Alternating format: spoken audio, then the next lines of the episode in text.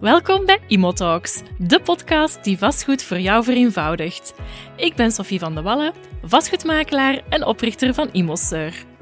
Met meer dan 15 jaar ervaring in het notariaat en als makelaar gecombineerd heb ik een mooie expertise opgebouwd. Of je nu op het punt staat om je eerste woning aan te kopen, of je wil je vastgoedportefeuille uitbouwen, ImoTalks is het ideale platform om de complexe wereld van vastgoed beter te begrijpen. Duik samen met mij in dit boeiende onderwerp en geniet van deze aflevering. Hey, welkom bij deze aflevering van ImoTalks. Vandaag had ik het graag gehad over ruimtevervuiling. Ik zie je al denken, Sophie, ruimtevervuiling. Uh, dit gaat over een podcast van IMO. Um, inderdaad, ik wil het vandaag niet hebben over de vervuiling in outer space van de satellieten en dergelijke meer. Ik wil het graag hebben over ruimtevervuiling in het kader van eigenlijk te groot wonen. Het overmatig of het inefficiënt gebruik van ruimte, dus veel te veel vierkante meters per persoon. En dat zien we vaak uh, buiten de steden uh, optreden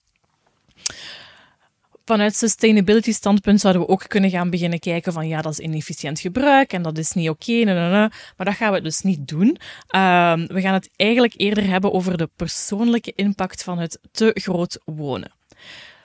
De dag van vandaag zijn vaak de babyboom-generatie, uh, komen in die levensfase waar de kinderen het huis hebben verlaten.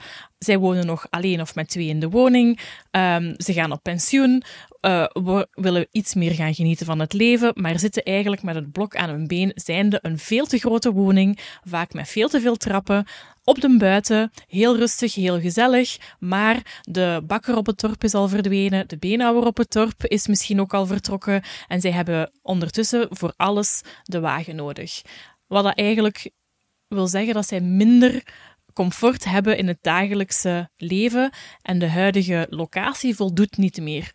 Wat dat vroeger een puur luxe was. Dicht bij de school, een grote tuin om voor de kinderen om te spelen, veel slaapkamers op de eerste verdieping. Dat is nu gewoon eigenlijk een blok en dat is niet meer, dat voldoet niet meer aan de vereisten. Vaak zien we ook dat de woningen stilletjes aan verouderd zijn, uh, beginnen onderhoud nodig te hebben, de energieefficiëntie is niet meer optimaal en dat is eigenlijk gewoon veel te veel nog om, om uh, erbij te nemen om nog een hele verbouwing te gaan doen, um, zeker gezien de locatie ook niet meer optimaal is. Het lege nestsyndroom kan ook vaak als eenzaam aanvoelen en wat we ook heel vaak merken is dat die mensen dan ook echt gaan vereenzamen um, in hun woning op de buiten, waar ze de auto voor alles gaan nodig hebben. Uren spenderen in de tuin uh, aan het poetsen, dat is niet meer van, van vandaag. Um, en we zien dat er vaak meer en meer gekozen wordt voor het comfort van een nieuwe woning, of eigenlijk eerder een appartement. Als ik woning zeg, bedoel ik eerder een appartement um, in de stad, in het dorp um, of soms ook aan de kust.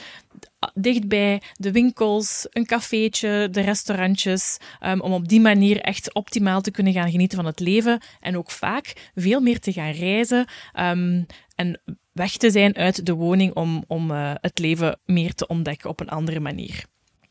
Maar natuurlijk komt ja, hoe begint je aan uh, die uitdaging van eh, ons, onze veel te grote woning gaan verkopen om kleiner te gaan wonen? Dat is eigenlijk zoals iedereen start met uh, zijn zoektocht en dat begint bij het bepalen van het budget. Budgetbepaling is heel belangrijk uh, om uiteraard te weten tot waar dat je kan springen, in welke prijscategorie dat je kan kijken. Um, en dat wil ook zeggen van, ja, hebben wij bijvoorbeeld spaarcenten opzij gezet? Zijn er gelden die we kunnen vrijmaken? Of rekenen we echt wel om het nieuwe aan te kopen op de verkoopprijs van de huidige woning. Dat zijn zaken die heel duidelijk op papier moeten staan op het ogenblik dat je aan je zoektocht gaat beginnen. Bepaal ook de regio waar dat je wil wonen. Waar wonen je kinderen? Vaak zien we dat de kinderen uh, verhuisd zijn naar een andere uh, provincie bijvoorbeeld, om dichter bij hun werk te gaan wonen of bij hun partner uh, in de buurt te zijn. Um, wil je graag dicht bij de kleinkinderen gaan wonen? Of zeg je, ah nee, we blijven bij ons in het dorp of in de stad. En omdat al onze vrienden daar ook in de buurt wonen. Dus dat zijn zaken die je voor jezelf echt wel op punt moet stellen wanneer die beslissing genomen wordt. Uiteraard ook nog een, een heel belangrijk aspect is het bepalen van um, de faciliteiten die je graag in de buurt wil hebben. Um, winkels, de bakker, de beenhouwer? Wil jij graag dicht bij het openbaar vervoer zijn, de trein, de bus? Um, of ben je eerder een fietser? Uh, heb je graag een restaurant of een cafeetje in de buurt? Schrijf die zaken allemaal op om zo veel meer te gaan pinpointen exact in welke regio je graag zou wonen. Dan is het natuurlijk ook belangrijk welke volgorde um, dat de, het proces van het aankopen en het verkopen zal hebben. Heb jij voldoende gespaard en ga je uh, andere middelen vrijmaken om het appartement te gaan aankopen, ja, dan is de verkoop van de woning wellicht iets minder prioritair en kan je eerst gaan aankopen, netjes verhuizen, om dan te gaan verkopen. Maar uh, veelal is het ook zo dat, de gelden van de, dat er op de gelden van de verkoop wordt gerekend om de aankoop te gaan doen. Dan is natuurlijk het heel belangrijk dat de juiste volgorde wordt gehanteerd. Mijn advies is altijd: ga eerst op zoek naar een nieuwe woning, maar uh, bereid de verkoop van je huidige woning al voor. In die zin, neem een professional onder de arm die het dossier al kan opstarten. Zijn er bepaalde klusjes die nog gedaan moeten worden, kunnen dan gedaan worden. Um, alle attesten kunnen al opgevraagd worden. Eventueel kan de fotoshoot al plaatsvinden. Dat op het moment dat je een uh, appartement hebt gevonden die aan jouw eisen voldoet, dat je eigenlijk onmiddellijk de woning ook te koop kan gaan plaatsen online, um, om op die manier um, toch eerst te kunnen gaan verkopen en dan aan te kopen, toch in alle geval op papier, um, op notariële akte gewijs jouw vastgoedprofessional die, je daarin begeleidt, zal er ook zeker en vast rekening mee houden dat de aktedata op elkaar afgestemd worden en uiteraard ook dat je voldoende tijd hebt om uh, te gaan verhuizen en niet ergens op een bepaald moment op straat staat of met uw verhuiswagen bij de notaris voor de deur moet staan om de actes te kunnen gaan tekenen. Wat ik ook altijd aanraad, zeker als je rekent op de gelden van de verkoop om je aankoop te doen, is ga in alle geval langs bij de bank om te informeren over dat overbruggingskrediet. Een overbruggingskrediet is een noodkrediet, noem ik dat.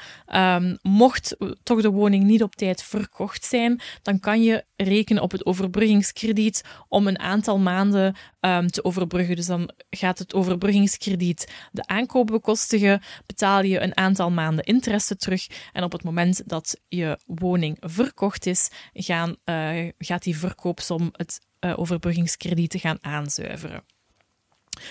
Dat, is, dat moet een noodoplossing zijn. Um, mijn mening is dat we, dat we er niet vanuit mogen gaan dat we het gaan nodig hebben. Maar zorg er zeker en vast voor dat als het nodig is, je die backup uh, hebt staan. Op het moment dat je die aankoop van het nieuwe appartement gaat doen, kan het misschien ook interessant zijn om te kijken uh, of je al een stuk van de aankoop kan doen op naam van de kinderen. En daarmee bedoel ik um, bijvoorbeeld een naakte eigendom vruchtgebruikconstructie. Dat wordt heel vaak gekozen, zeker als de band heel goed is met de kinderen, om op het ogenblik van overlijden successierechten te gaan vermijden.